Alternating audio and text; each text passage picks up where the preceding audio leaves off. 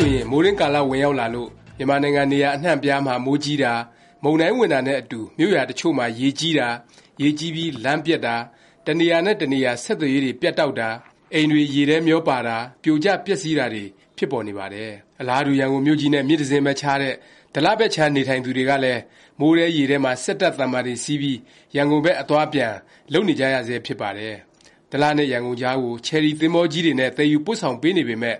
ဒလဘက်အခြမ်းပြန့်ကျဲနေထိုင်တဲ့ပြည်သူတွေအဖို့ကတော့ကိုယ့်နီးရာဆိပ်ကမ်းကနေစက်တပ်သဗ္ဗာန်စီးပြီးသွားမှအဆင်ပြေတာမို့အန္တရာယ်ဘယ်လောက်များများနေ့စဉ်သွားနေလာနေရမြဲဖြစ်ပါတယ်။ဒီလိုကူးသန်းသွားလာရေးနဲ့အစစအဆင်ပြေစေဖို့ဒလတံတားစီမံကိန်းကြီးရှိတယ်ဆိုပေမယ့်ခုချိန်ထိမစနိုင်သေးတာမို့ဒလဘက်ခြမ်းကလူတွေရော၊ဧရာဝတီတိုင်းကတက်လာတဲ့လူတွေပါပေါင်းပြီးဒလတံတားစီမံကိန်းကြီးအမြန်အကောင်အထည်ဖော်ပေးရေးအစိုးရကိုတိုက်တွန်းတဲ့ဆန္ဒထုတ်ဖော်ပွဲတစ်ခုတောင်လုပ်ခဲ့ကြပါသေးတယ်။အစိုးရအနေနဲ့ ဒလတံတားစီမံကိန်းကြီးစတင်ဖို့ဘာကြောင့်နှောင့်နှေးနေတာလဲ၊တံတားစီမံကိန်းကြီးကဖြစ်ရောဖြစ်ပါ့ဦးမလားဆိုတာခုတစ်ပတ်လေ့လာသုံးသပ်ကြည့်ကြရအောင်ပါ။ရန်ကုန်ဘက်ခြမ်းနဲ့ဒလဘက်ခြမ်းကိုဆက်သွယ်မယ့်ကြိုးတံတားတစ်စင်းဆောက်ဖို့စီမံကိန်းကိုအရင်သမ္မတဦးသိန်းစိန်အစိုးရလက်ထက်၂၀၁၂ကတည်းကအစပြုခဲ့တာပါ။ကိုရီးယားသမ္မတနိုင်ငံစီးပွားရေးဖွံ့ဖြိုးမှုပူးပေါင်းဆောင်ရွက်ရေးရံပုံငွေ EDCF က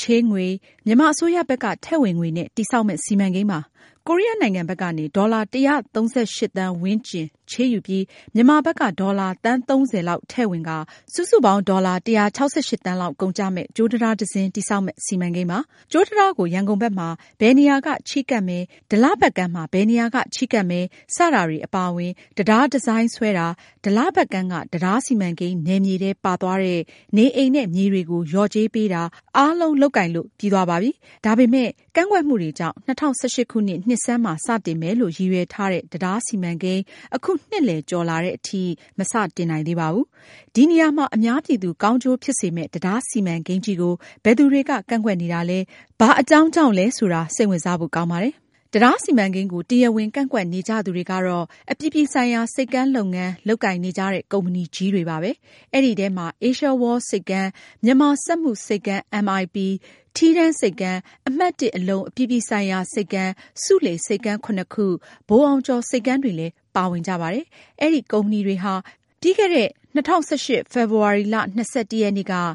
UMFCCI မြန်မာနိုင်ငံ ကုန်သည်များနဲ့ စက်မှုလက်မှု လုပ်ငန်းရှင်များ အသင်းချုပ်ကို ကိုရီးယား ချေးငွေနဲ့ အစိုးရက တည်ဆောက်မယ့် ဒလ တံတား စီမံကိန်းကို လုံး၀ ကန့်ကွက်ကြောင်း စာရေးသား အကြောင်းကြားခဲ့ပါတယ်။စာထဲမှာတော့ သူတို့ ကုမ္ပဏီတွေဟာ နိုင်ငံရဲ့ ထုတ်ကုန် သွင်းကုန်တွေနဲ့ ပတ်သက်ပြီး ရန်ကုန် အပြည်ပြည်ဆိုင်ရာ ဆိပ်ကမ်းတွေက ကိုင်တွယ်နေတဲ့ စုစုပေါင်း ကုန်သေတ္တာ ပမာဏရဲ့ ၉၂ ရာခိုင်နှုန်းကို ကိုင်တွယ်နေကြတဲ့အကြောင်း၊ အဲဒီထဲမှာသင်္ဘောလိုင်း၂၈လိုင်းကကုန်သေတ္တာအလုံးရေတစ်သန်းဝန်းကျင်၊မက်ထရစ်တန်၂၉သန်းလောက်ရှိတဲ့ကုန်စည်တွေကိုဝန်ဆောင်မှုပေးနေရတဲ့အကြောင်း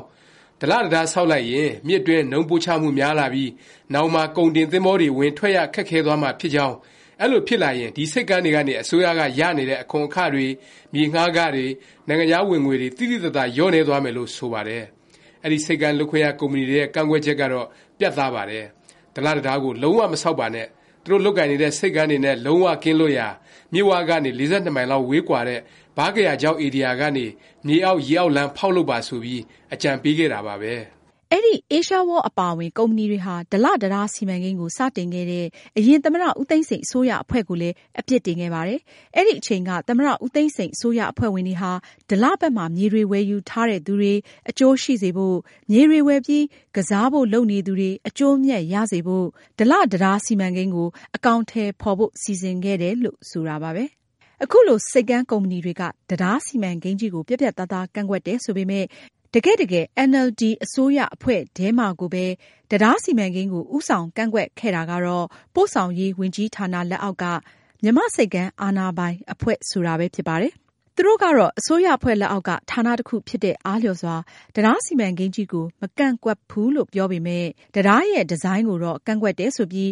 ဇွန်လ ၁၂ ရက်နေ့က လုပ်တဲ့ သတင်းစာရှင်းလင်းပွဲမှာ မီဒီယာတွေကို ပြောဆိုခဲ့ပြန်ပါတယ်။သူတို့ကသာ အဲလို ပြောဆိုပေမယ့် ဆိပ်ကမ်းကုမ္ပဏီတွေကနေ UMFCCI ဆီ ပေးပို့ထားတဲ့ စာမှာတော့ ဒလ တံတား ဆောက်လုပ်တာကို သူတို့ ကုမ္ပဏီတွေ အားလုံးနဲ့အတူ မြန်မာ့ဆိပ်ကမ်း အာဏာပိုင်အဖွဲ့ကလည်း ကန့်ကွက်တယ် ဆိုတဲ့အကြောင်း ဖော်ပြထားပါတယ်။ ပြောရရင် ဒလ တံတားစီမံကိန်းကြီးကို ဆိပ်ကမ်းလုပ်ငန်း လုပ်ခွင့်ရထားတဲ့ ခရိုနီကုမ္ပဏီတွေနဲ့အတူ အစိုးရ ပို့ဆောင်ရေးဝန်ကြီးဌာန လက်အောက်ခံ မြန်မာ့ဆိပ်ကမ်းအာဏာပိုင်အဖွဲ့ကပါ လိုက်လံကန့်ကွက်နေတယ်ဆိုပြီး ဝေဖန်မှုဟာ မှန်သင့်သလောက် မှန်နေတာ တွေ့ရပါတယ်။ဒါကိုအင်န်အယ်လ်ဒီပါတီအမတ်တွေကရော၊ရန်ကုန်တိုင်းဝန်ကြီးချုပ် ဦးဖြိုးမင်းသိန်းကပါ လက်မခံပါဘူး။ဝန်ကြီးချုပ် ဦးဖြိုးမင်းသိန်းက ပင်လယ်ကူးသင်္ဘောတွေ ဝင်ထွက် ဆိုက်ကပ် ကုန်တင်ကုန်ချလုပ်နိုင်တဲ့ ဆိပ်ကမ်းတွေဆိုတာ ပင်လယ်၀မှာပဲ ရှိသင့်တယ်၊အခု ရန်ကုန်မြစ်ထဲ မြို့လယ်မှာရောက်နေတဲ့ အပြည်ပြည်ဆိုင်ရာ ဆိပ်ကမ်းတွေကို ပင်လယ်၀ကို ပြောင်းရွှေ့ဖို့ သင့်တယ်ဆိုပြီး မှတ်ချက်ပေးပြီးသား ဖြစ်ပါတယ်။အင်န်အယ်လ်ဒီလွှတ်တော်အမတ်တချို့ရဲ့ မှတ်ချက်တွေကတော့ ဒီထက်ပြင်းထန်ပါတယ်။လက်ရှိ ဒလ တံတားစီမံကိန်း မဖြစ်မြောက်အောင် ကန့်ကွက်နေသူတွေဟာ